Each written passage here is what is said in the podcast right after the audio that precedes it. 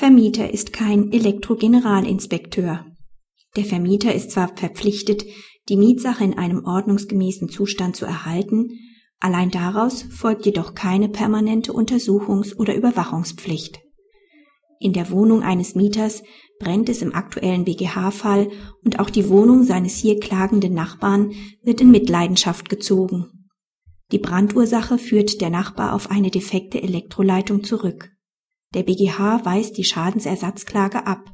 Zwar muss der Vermieter ihm bekannte oder mitgeteilte Mängel binnen angemessener Frist beseitigen, daraus erwächst ihm aber nicht zugleich die allgemeine Pflicht, Anlagen oder Einrichtungen regelmäßig und zwar ohne konkreten Anlass, zu prüfen bzw. prüfen zu lassen. Im Rahmen der ihm obliegenden Verkehrssicherungspflicht trifft den Vermieter keine regelmäßige Inspektionspflicht. Praxishinweis.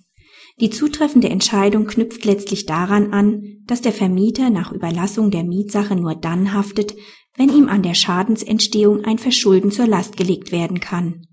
Ein solches kann auch in der unterlassenen Beseitigung eines Mangels liegen, dies erkennt der Wohnraummietsenat des BGH auch. Jedoch scheinen solche Umstände, die letztlich die Anwendung des Paragraphen 536a BGB eröffnen, nicht vorgelegen zu haben.